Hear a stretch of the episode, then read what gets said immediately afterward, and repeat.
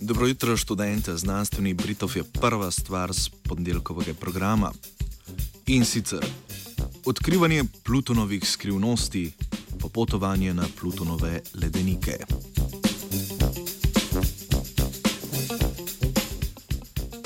Raziskovalna skupina New Horizons Science Team, ki deluje v okviru vesoljskega programa NASA, je pred kratkim objavila izsledke raziskave o nenavadnem pojavu na površini Plutona. Raziskovalci in raziskovalke so podatke o Plutonu pridobili s pomočjo sonde New Horizons, ki so jo po nekaj neuspešnih poskusih izstrelili januarja 2006. Plutonovo orbito je dosegla julija 2015 in s tem postala prva človeško izdelana naprava, ki se je Plutonu približala do te mere. Sonda je Pluton obkrožila in hkrati zajemala podatke z različnimi inštrumenti. K analizi sestave površine in atmosfere Plutona je največ pripomogel spektrometer. Ta je sicer naprava, ki zaznava, katere valovne dolžine elektromagnetnega valovanja oddajajo ali absorbirajo molekule in nam tako omogoča določitev kemijske sestave vzorca.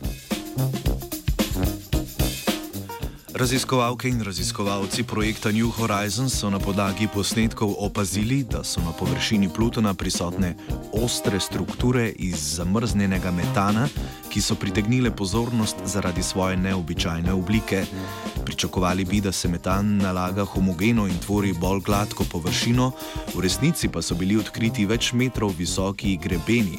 Podobne strukture lahko na Zemlji opazimo na planoti Čahnanator v Čilu in jih je leta 1839 Charles Darwin imenoval penitentes.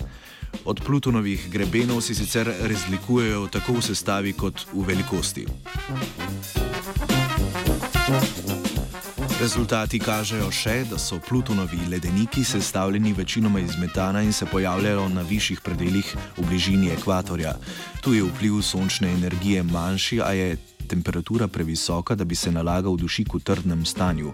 V nižinah pa so zaradi večje koncentracije dušika in manjše koncentracije metana v atmosferi bolj pogosti dušikovi ledeniki z nižjo vsebnostjo metana.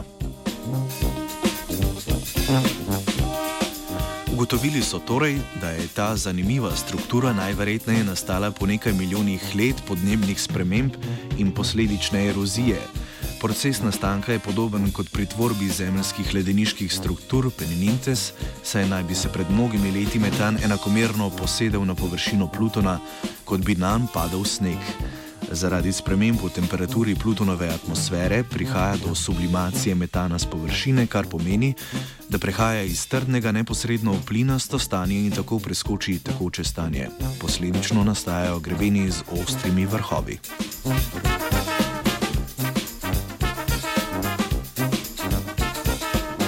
Podatki, ki jih je poslala sonda projekta New Horizons, so nam omogočili pogled v naravo Plutona, ki je bila dolgo predmet razprave.